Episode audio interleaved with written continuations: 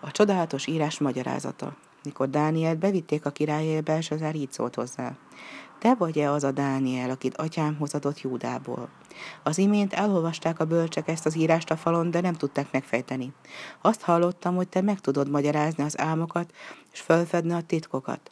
Ha ezt az írást megfejted, bíborba öltöztetlek, nyakadba aranyláncot teszek, és országom harmadik embere leszel.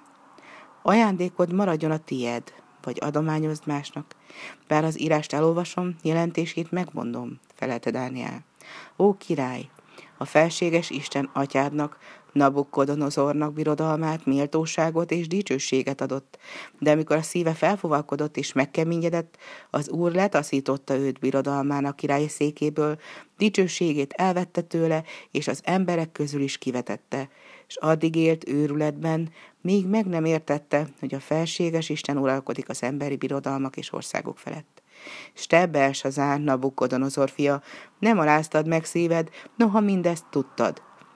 Sőt, felfuvalkodtál az Úr Isten ellen, és most főembereiddel és ágyasaiddal az Úr edényeiből borozol, és báványokat imádsz. Ezért küldte az Úristen a kezet, és iratta föl ezt a csodálatos írást. Mene, mene, tekel, uparszin. A szavak értelme pedig mene, azaz számba vette Isten országlásodat, és véget vet annak. Tekel, azaz megmért és könnyűnek talált téged az Úr.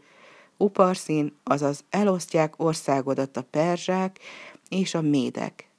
Belsazár akkor bíborba öltöztette Dánielt, nyakába tette az aranyláncot, és kikiáltotta országa harmadik emberének. De azon az éjszakán Belsazárt megölték, és a méd Dárius foglalta el az országát.